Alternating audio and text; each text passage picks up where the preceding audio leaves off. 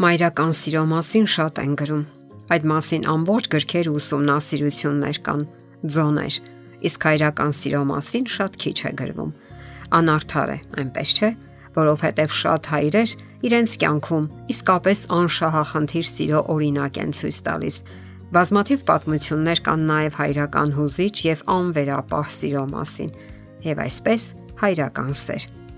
Ռուս հայտնի հոգեբան մանկավարժ Միխայել Լապկովսկին գրում է. Եվ կյանքում եւ աշխատանքային գործունեության մեջ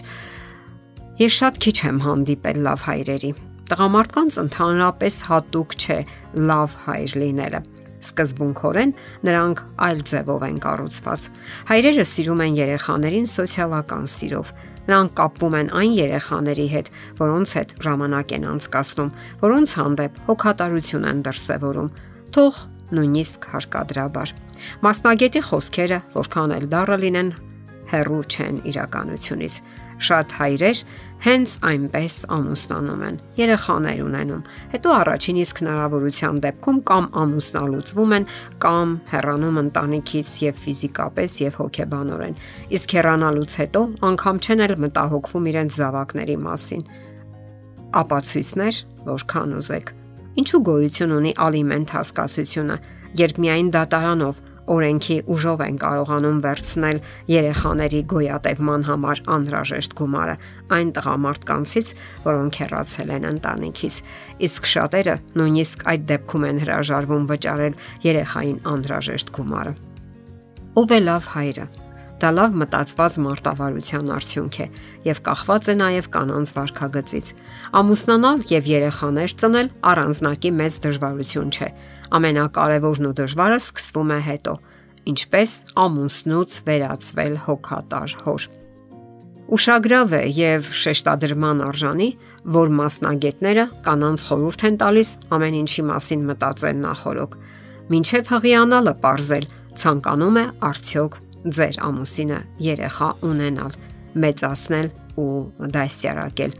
Արդյոք պատրաստ է նա իր վրա վերցնելու այդ մեծ պատասխանատվությունը։ Միայն այդ դեպքում կարող են կանայք հետ ագայում պահանջներ ներկայացնել նրանց եւ կիսվել պատասխանատվությամբ։ Իսկ եթե ողրզել եք, որ նա պատրաստ չէ, ապա ավելի լավ է հետաձգել երեխա ունենալու գաղափարը կամ էլ ազնվորեն հույսը դնել միայն քո վրա։ Եվ այնուամենայնիվ հարկավոր է ասել, որ այս հարցում շատ բան կախված է կանանցից։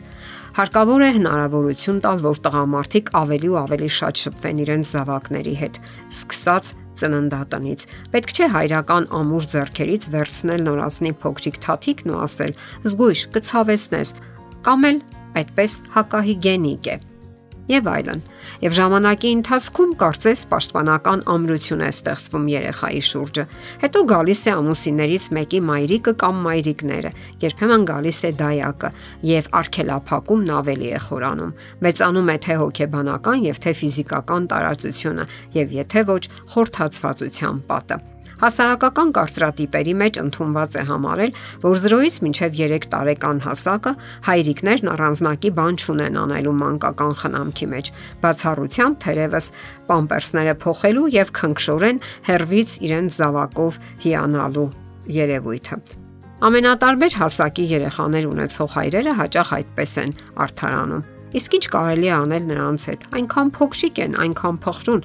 խոսել էլ չգիտեն։ Այդպիսի հայրերը ձանձրանում են, տխրում եւ անգամ սարսափում այն մտքից, որ հնարավոր է 1-2 ժամ մնան իրենց փոքրիկի հետ։ Նշանավոր գրող Լև Տոլստոյի դուստրերը հիշում են, որ իրենց հայրը սկսել է իրենց հետ շփվել այն ժամանակ միայն, երբ լրացել է իրենց 20 տարին։ Սակայն հուսանք, որ ձեր ամուսինները նման չեն Տոլստոյին եւ նրանցից հնարավոր է դուրս գան պատշաճ ու ծանրակշիռ հայրեր։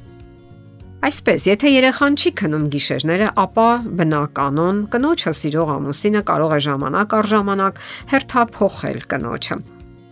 Եվ հատկապես պետք չէ հրաժարվել այն դեպքերից, երբ տղամարդն ինքն է ցանկանում դա անել։ Երբեք մի հրաժարվեք ասելով՝ «Դե լավ, ես ինքս կանեմ դա»։ Իսկ եթե օգնության առաջարկ չեք ստանում, ապա ինքներդ երանդուն կերպով նրան մասնակից դարձրեք փոքրիկի խնամքին։ Երբ լողացնում եք, միշտ եղեք միասին։ Ասացեք՝ «Միայնակ չեմ կարող, ծանր է, վտանգավոր է» եւ դա ճշմարտություն է։ Հայրերը ողորմածություն չեն անում, երբ զբոսնում են իրենց զավակների հետ։ Սա սրբազան գործ է։ Իսկ դուք այսպիսի պատրաստի տեքստ ունեք։ Սպասում եմ ձեզ 2 ժամից։ Իսկ մինչ այդ ես ճաշն եմ պատրաստում։ Իսկ կանայք այսպիսի պատրաստի տեքստ թող ունենան։ Սպասում եմ ձեզ 2 ժամից, իսկ մինչ այդ ես ճաշը կպատրաստեմ։ Մնացած անելիքներն էլ կարող եք հավասարապես բաժանել եւ դրանում ոչ մի ամոթ բան չկա։ Եթե ոչ հավասարապես, գոնե ինչ որ համամասնությամբ։ Ասենք շոր հագցնել, երեխային պարկեսնել, քնելու, կերակրել եւ այլն։ Որքան հնարավոր է վախ հաստատեք որոշակի ծիսակատարություններ հոր մասնակցությամբ։ Իսկ ահա որոշ պարտականություններ պետք է լինեն բացառապես հայրական խնամակալության ներքո եւ հետո տարբեր առիթներով հնարավորության սահմաններում փորձեք միայնակ թողնել երեխաներին հայրերի հետ։ Դա կոչվում է տետատետ շփում։ Թող նրանք ընտելանան այդ շփմանը։ Կարող եք ասել. Ես մի քիչ հանգստանամ կամ ես պետք է շտապ գնամ բուժկետ եւ այլն։ Դրանում ոչ մի եսասիրական բան չկա։ Հիշեք, այդպես դուք հասունացնում եք ձեր զավակի հորը, փրկում եք ընտանիքը եւ ձեր ընդհանուր ապագան։ Միայն այն դեպքում է տղամարդը ամուր կապվում եւ սիրում իր զավակներին, երբ ժամանակ եւ ուժեր է ներդնում նրանց վրա, զբոսնում է, լողացնում, անքուն մնում գիշերները։ Իհարկե, Եվ այսպես, հարգելի հայրիկներ, ողջունեք ձեր զավակների մուտքը այս աշխարհ։ Նրանք ունեն ձեր կարիքը, ձեր ամուր ձեռքերի եւ սկզբունքային պատասխանատվության կարիքը, ամուր, հուսալի եւ բարոյական մտեցումներին կյանքի բոլոր հարցերում։ Թող ձեր բարեմաղթանքը լինի ողջույն զավակս։ Եթերում է ընտանիք հաղորդաշարը։ Հարցերի եւ առաջարկությունների համար զանգահարել 033 87 87 87 հեռախոսահամարով։